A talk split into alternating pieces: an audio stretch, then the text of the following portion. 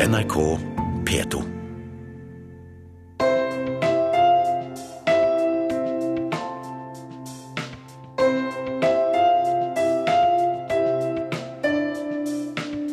Velkommen til radiodokumentaren. Jeg heter Kari Hesthamar.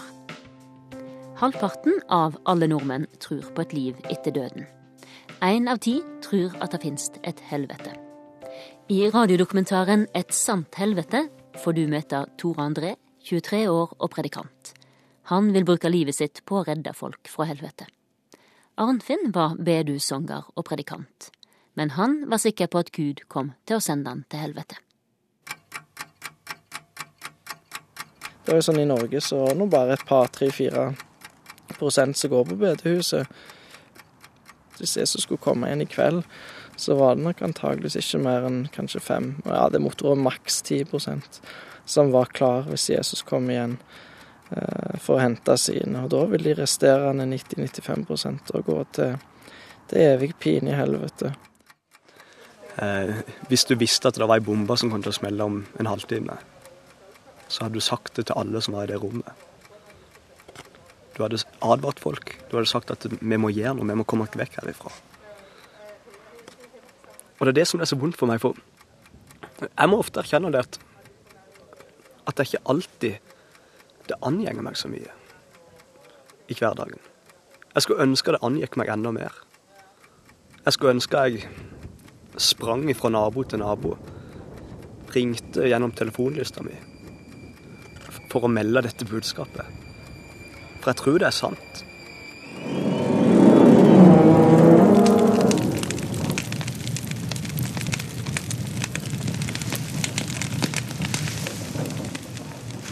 Jeg har fått masse levende skildringer om hvordan helvete er.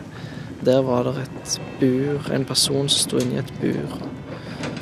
Og flammene omkransa han, så han hadde brent opp, faktisk. Det var ikke mer hud eller noen ting på han. Det var bare skjelett igjen på vedkommende. Men der sto han og skreik og, og ropte etter å få en dråpe vann. Det er et pinested. Eh, det skal være sorg og tårer og, og ild og, og ondskap, men du skal aldri bli kvitt det. Du skal være der i all evighet. Du skal brenne.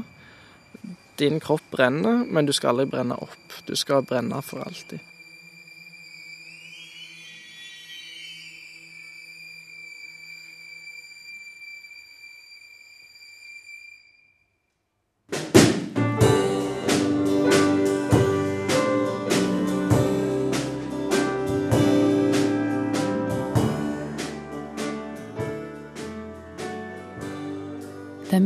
På bedehuset i Hegebostad i Indre Agder. Tore André Haddeland er 23 år og møbelsnekker, født og oppvokst i Hegebostad. Tore André har bestemt seg for å begynne som predikant, så han kan redde folk ifra en evig pine i helvete. Hele bygda er samla for å sende han ut i tjenesten. Jesus i sentrum, men det er jo andre ting som gjør at vi fryder dere veldig. Og det er at Tor André vil gå i tjeneste for Jesus og begynne som forkynner. Den blonde luggen står rett til værs over de blå øynene. T-skjorta med navnet på bibelskolen han gikk på i fjor, sitter tett rundt den spente kroppen. Jeg fikk spørsmålet to uker før påske. Og så opplevdes det veldig rett der og da. Så er det svinger noe utrolig. Jesus, jeg har bare lyst til mamma. Mor kommer fram for å be for sønnen sin. Takk for at du er leder Takk for at du har ledet han gjennom livet, helt fram til nå. Bestevennen Kenneth griner når han ber for Tor André. Kjære himmelske Far, jeg takker deg for Tor André. Så ber jeg at hver dag må du være med han i tjenesten. For nå sender du han ut til ulvene. For nå sender du han ut til ulvene.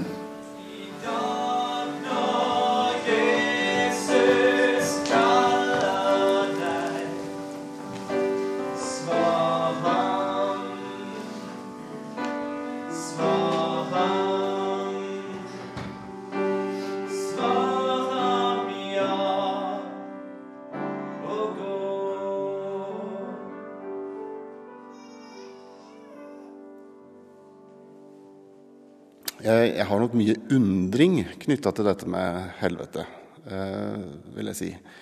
Helt framst til kirka på Modum Bad sitter presten Jon Erik Bråten framoverlent på en trebenk. På Modum finnes det en egen avdeling for de som sliter med eksistensielle og religiøse problemer. Dette handler om eh, mennesker som, eh, som kan si at de ikke tror på Gud, men som likevel sliter med angst og redsel for helvete. Det er på en måte nesten litt sånn inkonsekvent. Man tror ikke, og likevel så sliter en da med, med kanskje en sånn redsel for at hvis livet var slutt nå, så ville jeg da gå, gå til helvete. Eller hva, hva, om det faktisk er tilfellet? En sånn uro som en liksom aldri helt blir ferdig med, selv om man da har valgt å, å ikke tro. For andre så, så handler det om at uh, man lever sine liv og har opplevd mange store belastninger. Livet har vært vanskelig og tøft. Det er noen som vil nesten kunne beskrive det som at de sitter fast på et vis. Livet er et helvete. Og så er de også redd for at hvis de da tar livet sitt, så vil de havne i helvete. Og dermed så sitter de på en måte bom fast. Min kjære uanvendte tilhører. Du har opplevd meget mer med Gud enn du har fortalt noen menneske.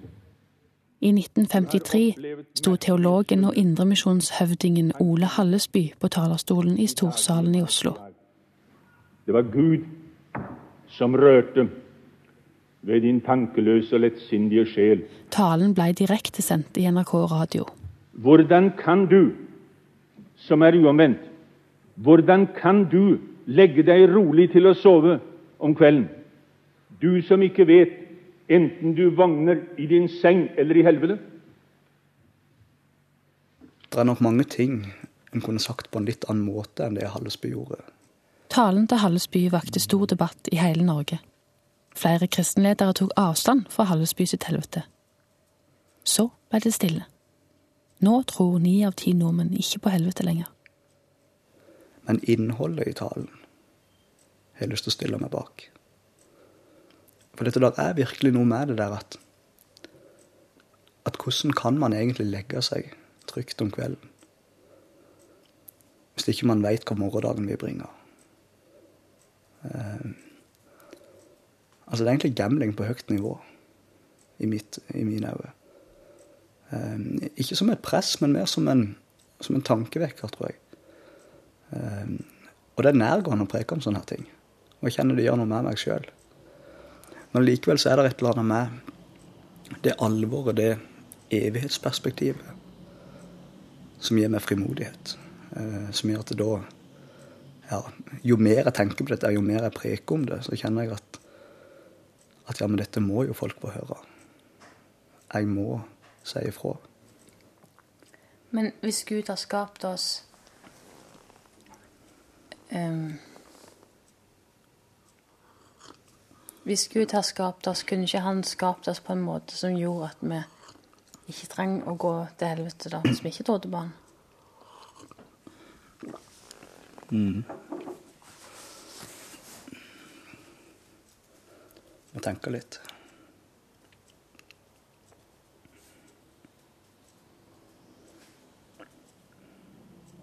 Et veldig godt spørsmål. Og det er nok kanskje det spørsmålet som som veldig mange, og jeg har jo lyst til å si inkludert meg sjøl, sliter med. Um, det er veldig mange ting jeg skulle på en måte med, med min egen tanke skulle ønske at Gud hadde gjort annerledes. Han har åpnet perleporten, så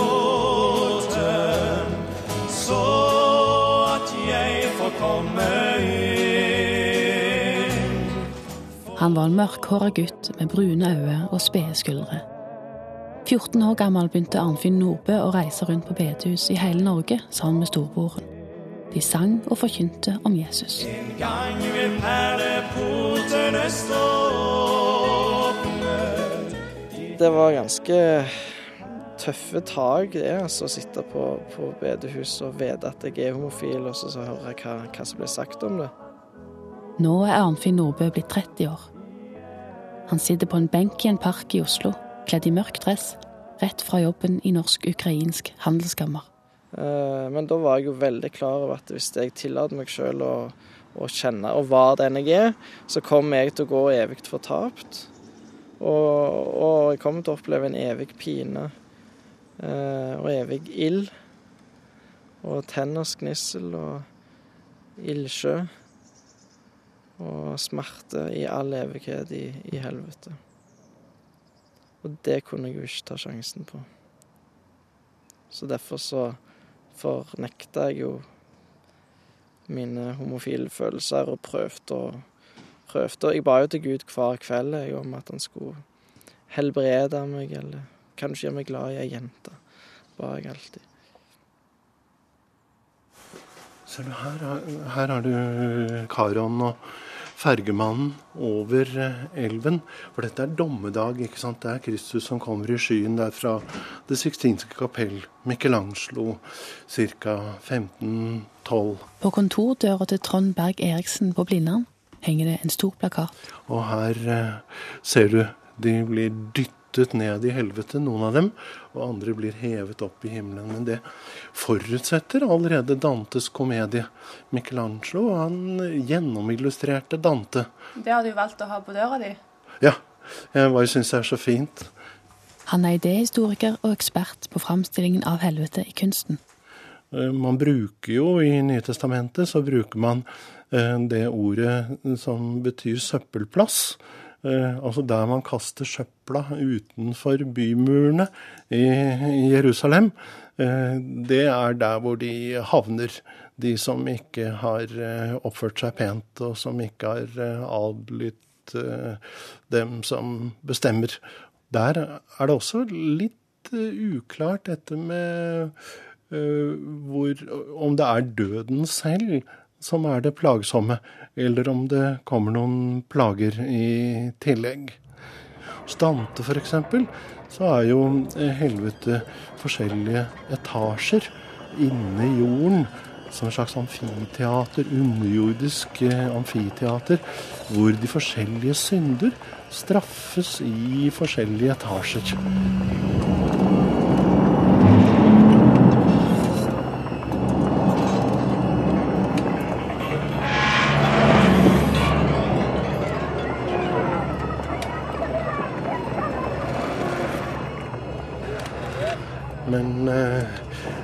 Helvete er som sagt en, eh, en litterær oppfinnelse først og fremst. Og det er jo litt paradoksalt at dette blir eh, klasket opp på, på veggen midt i, i Vatikanet. Der hvor eh, kardinalene ble samlet for å utpeke ny pave. Altså helt i sentrum av, av kristenhetens historie. Hva skjer da når man tar vekk forestillingen om helvete? Jeg er ikke helt sikker på om han kan ta vekk forestillingen om helvete. Jeg tror kanskje den dukker opp i forskjellige avarter eller moderniserte varianter. Når jeg sitter og ser på Wallander f.eks., og, og ser hvordan politimannen rydder opp i, i småbyen og sørger for at eh, både mordere og tyver og falsknere og, og overgripere eh, etter hvert eh, blir straffet, eh, så er jo det nettopp en fiksjon. Det er en fiksjon som eh, på samme måte som Dantes helvete eller Michelangelos eh, dommedagsfreske eh, opprettholder eh, ideen om at rettferdigheten skal seire til slutt. Altså, helvete i seg sjøl var jo en, en viktig faktor oppi det hele, hele veien. Fordi at eh, jeg så jo for meg det at, eh, at jeg skulle til helvete hvis jeg tillot meg sjøl å være den jeg var. Det var jo det jeg var opplært til. Sola skinner ned på parkbenken der Arnfinn Nordbø sitter. Så tenkte jeg liksom ja, hvis du tar selvmord, da, for det var jo ganske mørkt en periode. Og da tenker jeg ja, men da tar jeg sikkert, sikkert til helvete fordi jeg tar selvmord òg. Og jeg, jeg nå som jeg er nå, og sånn som jeg føler ting, og, og liksom syndige tankene jeg har og sånn, så går jeg sikkert til helvete uansett akkurat nå.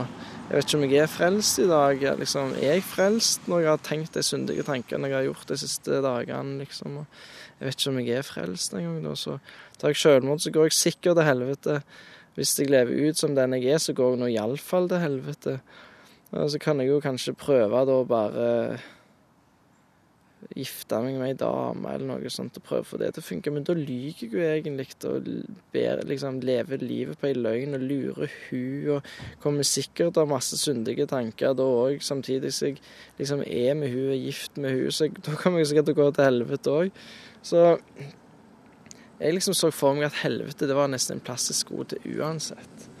Uh, og det var faktisk på en måte en medvirkende årsak til at jeg tålte å begynne å tenke på å akseptere meg sjøl. For jeg tenkte at vet du hva, Arnfinn?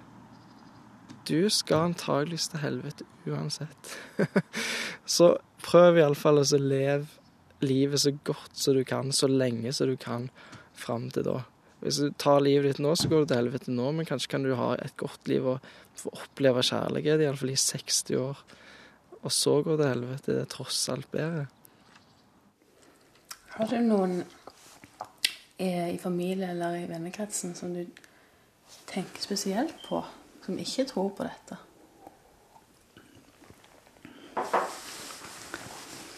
Jeg har lyst til å si at det er, det er noen personer i, i familien ja, som jeg tenker spesielt på. Um, ja, som jeg tykker Ja, det berører meg virkelig. Det berører meg mer og mer. Og uh, jeg ber til Gud hver dag for uh, bestemte personer om at de om at Gud må vise seg for dem som den han egentlig er. Tror du at de kommer til å bli, bli frelst?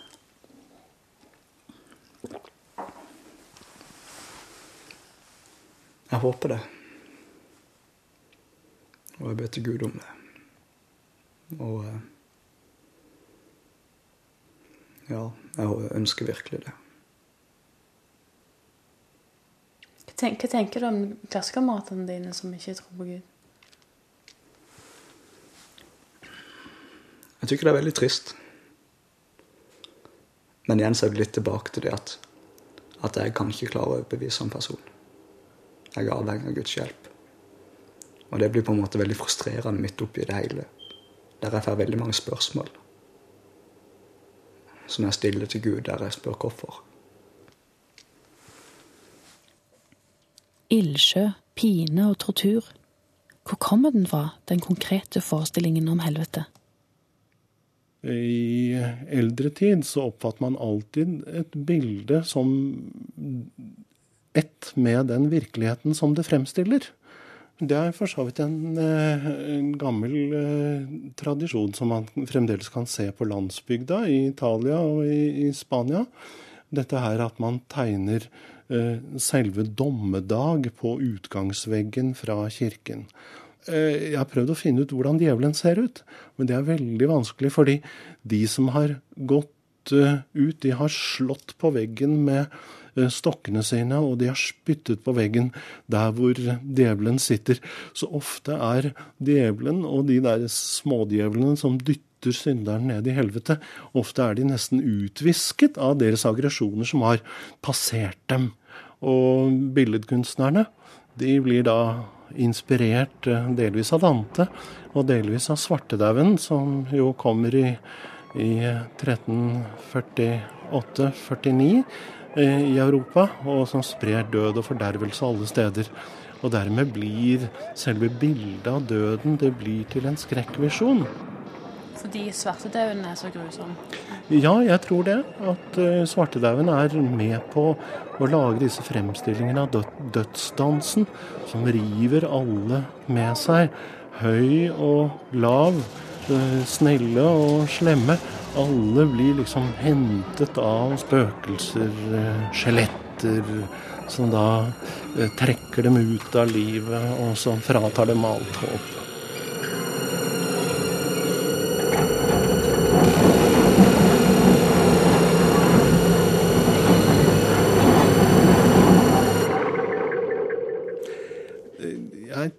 Ikke helt sikker på om denne forestillingen om helvete noen gang er blitt oppfattet så bokstavelig som den blir på 13-, 14- og, og 1500-tallet. Så avblekes det mer, og man oppfatter helvete nærmest som en litt fjern trussel om hvordan det skal gå dem som ikke handler rett.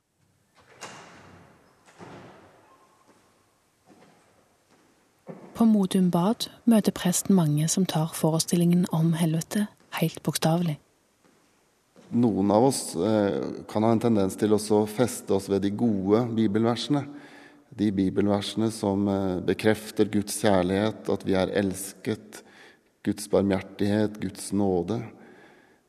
Mens andre av oss legger nesten ikke merke til det, men eh, henger oss opp i de bibelversene som bekrefter eller sier noe om at vi mennesker ikke er gode nok, er store syndere.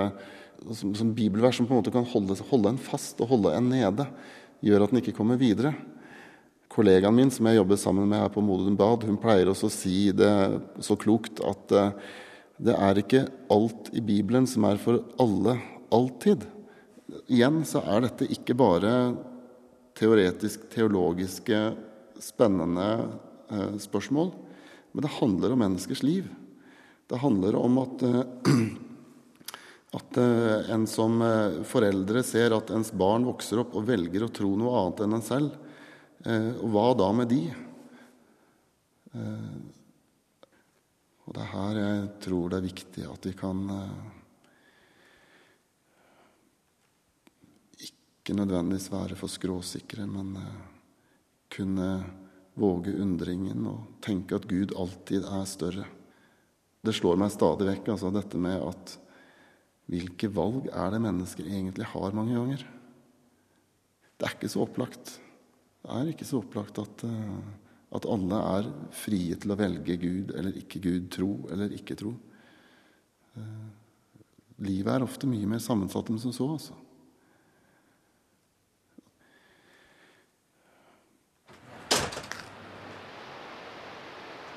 Himmelen mørkner over bedehuset på Sira. Kvelden står stille, foruten lyden av elva som fosser gjennom den lille bygda. Tore André har kjørt de sju mila fra Heggebostad for å holde møteuke. Ja, det er gøy å kjøre. Ja, ja det er iallfall helt sikkert. Jeg hadde 125, så da gikk det jo helst enda bedre. Han kom i prat med noen unge gutter som skrur på mopedene sine. Har F-seten min snart, så kan jeg òg kjøre. Ja, men du jo sånn en, ja? Ja vel. Jeg får Det er gass. himlende moro kjøretøy. Forgasseren er ødelagt. Å ja. Ja, må helt ny da, rett og slett. Ja, jeg får ikke tak i flyttør. Han vil ha de med inn på møtet. Akkurat. Så må bare hente. Jeg lover jo jeg skal spille i kveld. Spiller ikke da? Så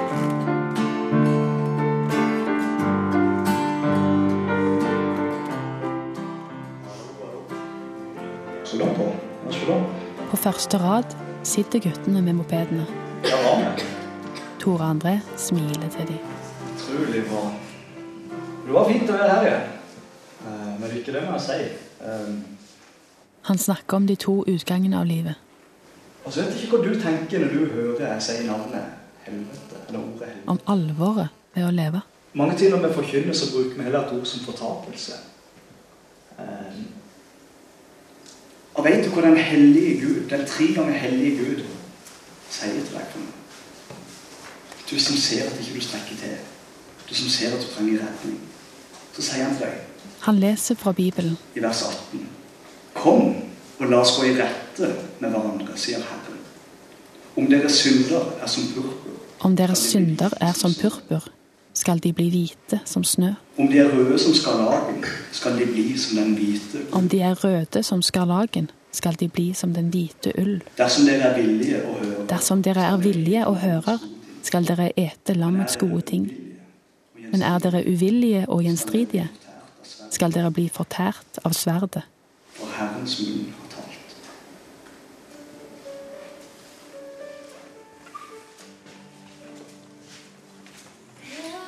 Møtet er over. Tore André inviterer ungdommene til å komme fram og be Gud om tilgivelse. Guttene på første rad skynder seg ut døra. Tore André sitter alene igjen.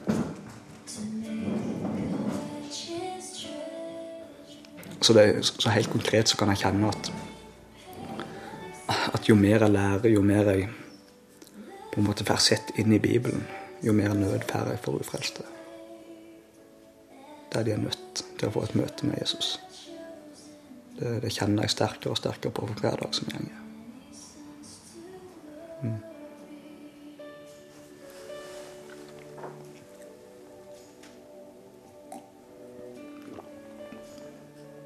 Hva føler du på? Akkurat nå? Mm. Mm.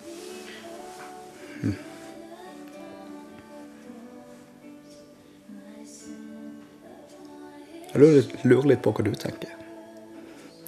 Ikke bare du som sitter her, men òg òg du som egentlig eventuelt hører på dette. For det er et budskap som som er blitt veldig fortida de siste årene. Av en eller annen grunn. Og eh,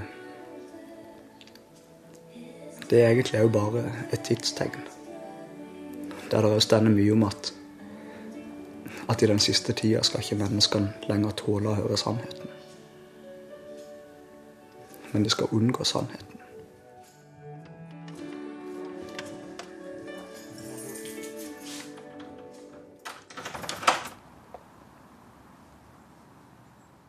Arnfinn Nordbø tok sjansen på å leve som homofil, sjøl om han frykta at Gud kom til å sende han til helvete. Og etter hvert i prosessen da, så begynte jeg å be til Gud og begynte å snakke med ham om dette og var litt mer ærlig da, om hva jeg følte. Og så at liksom, hvis det er sånn at dette er så galt, så vær så snill å, å forandre meg. Men hvis det ikke er så galt, så kan du, kan du gi meg liksom en ro eller en trygghet for det. Og, og hvis det er veldig galt, kan du gjøre meg veldig urolig.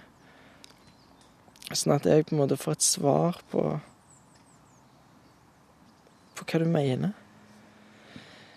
Og så vet jeg jo på bedehuset jeg veldig opplært at du skal ikke bygge på følelser, du skal bygge på ordet. Men det var en følelse som kom der og da, etter jeg hadde bedt om det. Så kjente jeg bare en helt utrolig rar følelse jeg aldri har opplevd før. Jeg bare kjente en sånn en fred som bare spredde seg i kroppen. Så det er en slags fysisk varme eller, eller fred som jeg ikke kan forklare. Og jeg vet jo at da vil jo bedehusfolket sagt at ja, da er det i tilfelle du kjente noe der, så er det Satan som har kommet og lurt deg. Sant? Men for meg så klarte jeg ikke å kjenne at det var noe Satan. Så jeg, jeg kjente det som en veldig sånn bekreftelse på at Gud aksepterer meg for den jeg er, og at det var et svar. Ni av ti nordmenn tror ikke lenger på helvete. Men halvparten av oss tror fortsatt på et liv etter døden. Hva skal skje da? På Modum Bad møter presten mange som håper at det fins, om ikke et helvete, så i alle fall en dommedag. Jeg møter mennesker og har snakket med en del som har opplevd så mye vondt og så mye grusomt her i livet. Og da snakker jeg ikke om i Afrika eller andre steder, men her i Norge, i vårt samfunn. Mennesker som vi omgås. Og de har blitt krenka på det groveste. Eh, det er som om andre mennesker har tatt fra dem livet, selv om de fremdeles lever. Og da er det håpet om at det må da finnes noe rettferdighet igjen her i verden. For noen av disse som har opplevd dette, de, de har erfart at, eh, at, eh, den som gjorde noe vondt mot en, krenket en, eh, kanskje er død eller ikke blir stilt til ansvar for det han eller hun har gjort. Men da er det nettopp dette håpet om at det må da finnes, om ikke her i livet, så i hvert fall på den andre siden av døden, at de som har gjort dette, da må, må stå til ansvar for det de har gjort. Og mange, mange, sier at dette med dommen er, en, dette er noe Kirken burde ha avskatt for, for lenge siden. Og, og kanskje ja, Det går an å forstå den tanken òg. Men nettopp med tanke på alle de menneskene som bærer så mange sår og skrammer, og som eh, kjenner at de ikke er verdige, så håper jeg at, eh, at det finnes en dom hvor overgripere må stå til ansvar.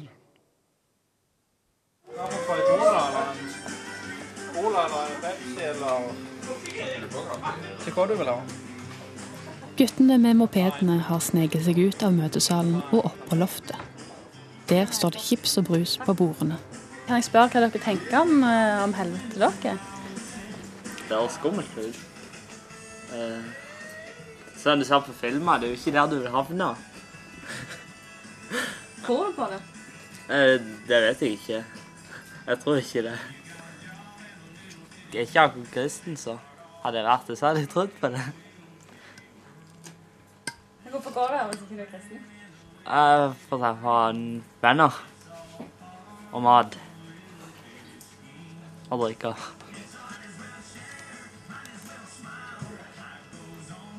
Hva med deg, da? Tror du på helvete? Nei. Nei, jeg tror nei. Er du ikke helt sikker? Nei, jeg er ikke det. Hvis det fins, da? Kommer du til havna, eller? Nei, jeg vet ikke hva jeg gjør for noe. Er du gjort noe galt? Nei, jeg Det tror jeg ikke. Er du? Ikke når du har jeg å havne der, iallfall.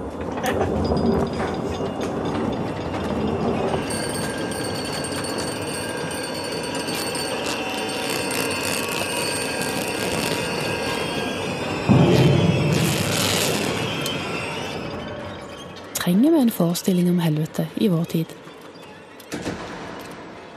Det, er jo en gammel tanke også, dette med at dyden er sin egen belønning, og at synden er sin egen straff.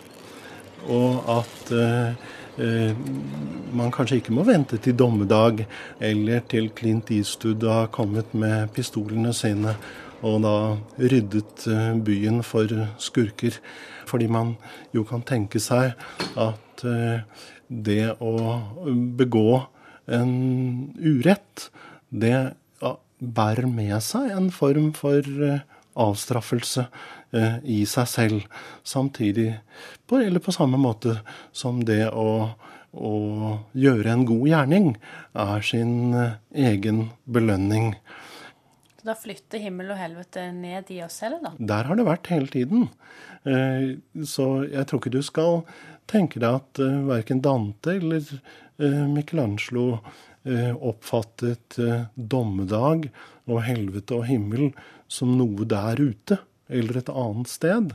Eh, Når det gjelder Dante selv, så trodde han jo ikke på eh, disse eh, dødsrikene som han fremstilte. Han var fullstendig klar over at det han produserte, var litteratur. Han hadde jo laget det selv. Det var jo ikke kirkens lære i, i streng forstand.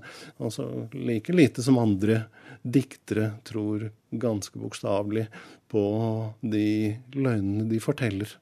For det er jo sånn med diktningens løgner at de kan uttrykke noen sannheter. Og Dante vil nettopp gjennomføre en form for moralforkynnelse ved å, å, å peke på hvordan ondskapen vil se ut om den får utfolde seg uhindret. Hm. De blir noen slags pedagoger. Det kan du si. Og de er ikke noen dårlige pedagoger heller. Etter det ble kjent at jeg skulle ut og reise på Indremisjonen, så har jeg fått eh, mange eldre kom og sa at nå var jeg skrevet opp eh, på bønnelista. Og eh, jeg får meldinger og telefoner og mailer fra folk som sier at nå ønsker de å være med og be. De ønsker å støtte meg og tykte det var stort at jeg ønska å bruke livet mitt til dette. Og det betyr utrolig mye å få så mye støtte. Virkelig, altså. Så det, det er jeg djupt takknemlig for. Tore André hadde ikke tenkt å bli predikant. Han drev med jakt, kjørte Audi A4, jobba som møbelsnekker. Nå har han sagt opp jobben, solgt bilen og flytta ut fra gutterommet. Jeg vil nok si at jeg, jeg er oppvokst i en, i en litt spesiell familie. Jeg skulle hatt ei, ei eldre søster som, eh, som dessverre døde når hun var en og en halv måned gammel. Hun hadde eh, immunsvikt og, og kreft. Så eh, når hun ble født, så, så hadde mamma sagt på forhånd at hun skulle gi Anette, som hun da heter, til Gud. Når hun da var gravid på nytt, så, så reiste det samme spørsmålet seg. Hva skal jeg nå si til Gud? Mens til slutt så, så sa hun at Gud skulle, skulle få meg òg. Og derfor så var det, var det veldig mange som ba for at jeg skulle, skulle bli født frisk. Og, og det ble jeg. Og så fikk vi Hun minste søstera mi hun var jo født med, med en alvorlig sykdom. Ja, jeg minnes lite fra den tida, men jeg minnes at det var veldig vanskelig å se lite til mamma og de. Og ja, det har utvilsomt gjort noe med meg, iallfall. Det har det.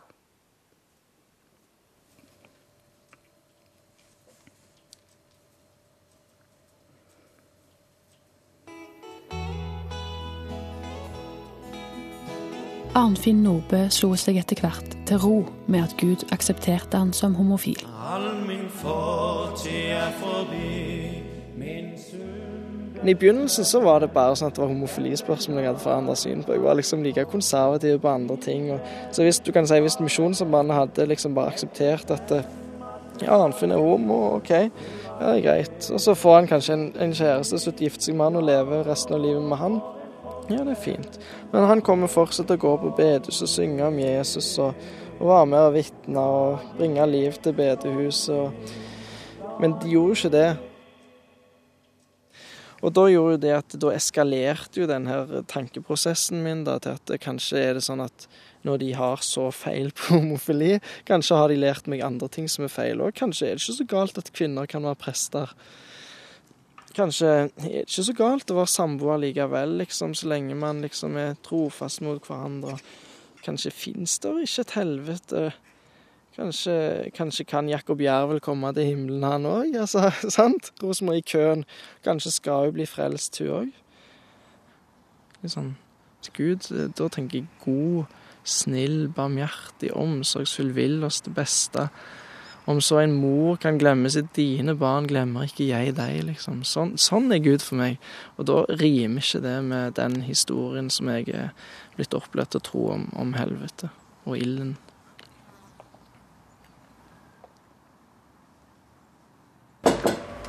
Uff meg, ja, fikk du slengt i På bordet står ei dampende gryte med egenskutt elg, ris og flaske med cola og Pepsi Max. Rundt bordet sitter Tore André, husverten og to av venninnene hans. De fleste pakker det jo litt inn med at eh, himmelen eh, blir på en måte glemt litt på møtene. At de snakker bare om hvor god Gud er og sånn, liksom. Og så glemmer de det at faktisk du må tro for å komme til himmelen. At eh, de som ikke tror, de kommer til helvete. Så jeg tror mange er veldig redd for at det, Å si det på et møte, liksom, at det, tenker de som sitter i salen, om eh, de blir skremt, eller ja, at de aldri vil komme tilbake. For det er klart at hvis det ikke lenger helvete fins, så vil jo ikke Jesus trenge å komme for å frelse oss for vår synd. Og det er akkurat som at det synet infiltrerer det preger hele forkynnelsen i dag. Spesielt i, i offentlige medier osv. Du tror på helvete, du òg? Ja. Det står jo i Bibelen at det finnes. Så det tror jeg på, ja. Det er nok veldig mange som tenker mer på himmelen enn på helvete. Det er mye mer snakk om himmelen, og det er jo forståelig, det. For det er jo mye lettere å tenke at det er der man skal komme til. Men eh, der kommer man jo bare til hvis man er kristen. Og ja, det er sikkert ikke alle som vil høre det, men eh, det er jo sånn det er sant. Så ja.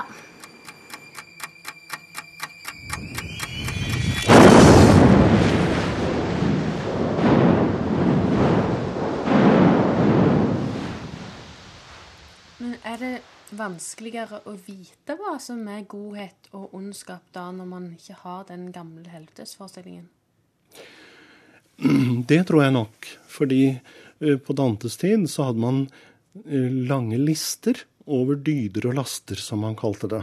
Altså, godheten har mange ansikter, og grusomheten har mange ansikter.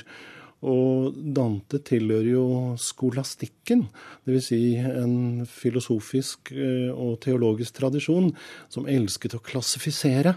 Gikk løs på alt som fantes, og klassifiserte det i lange lister og rekker. og, og sa, sier at det er av det slaget, og det er av det slaget, og det er verre enn det, og det er bedre enn det, og, og sånne ting.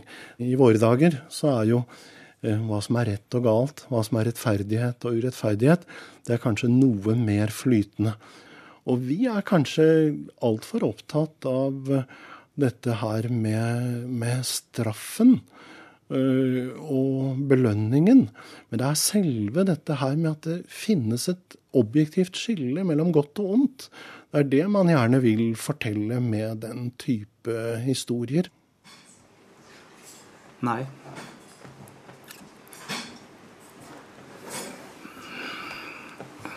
Bibelen sier at smal er den veien, og smal er den porten som fører til himmelen, og få er de som vandrer på den. Mens brei er den vei og brei er den port som fører til fortapelse, og mange er de som vandrer på den. Det er tøffe tak. Ja, det er beintøft. Det er beintøft. Så det, ja, det er et alvor. Jeg kjenner bare Jeg tenkte på når jeg var ute og jogga her i stad. Nå har vi sittet tre timer og prekt om, om helvete, og en skulle trodd at en ble så neddynga av, av negativitet og elendighet. Men jeg, jeg kjenner jeg, jeg blir så inspirert. Jeg, blir, jeg får en frimodighet som jeg, jeg tror mest aldri har kjent på. Der folk må få høre dette budskapet, at det finnes en redning. Men altså, hvis det er sånn at en Hvis det er sånn at en eh, De fleste mennesker ikke kommer til himmelen Mm. For de fleste mennesker ikke tror på Jesus, Mm. så er det vel nesten bedre at de ikke ble født, da. Enn å havne i evig pine i helvete. Det er veldig vanskelig å svare på. Og det er klart du nærmer deg ting som eh, eh, som går langt utover det et menneske egentlig har forstand til å svare på. Som heller ikke Bibelen gir tydelig svar på. Og eh, Så jeg vet nesten ikke om jeg kan eh, svare på det akkurat nå. Og nå kjenner hodet mitt begynner å stille seg inn på, på møtet òg i kveld. At jeg, jeg tror ikke jeg klarer å svare noe mer på det akkurat nå, iallfall. Ja. Jeg tror vi snart må gå, faktisk. Men det, det er vanskelig. Og du og du som tier flau.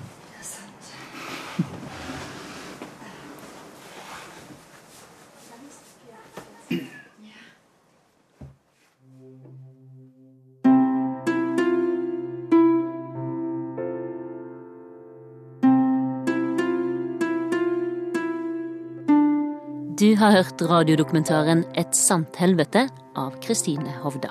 Teknisk regi var ved Kjetil Hansen, og konsulent var Berit Hedemann. Og om du har lyst til å høre dette programmet på nytt, så kan du laste det ned som podkast, eller høre det når du vil på NRK sine nettsider.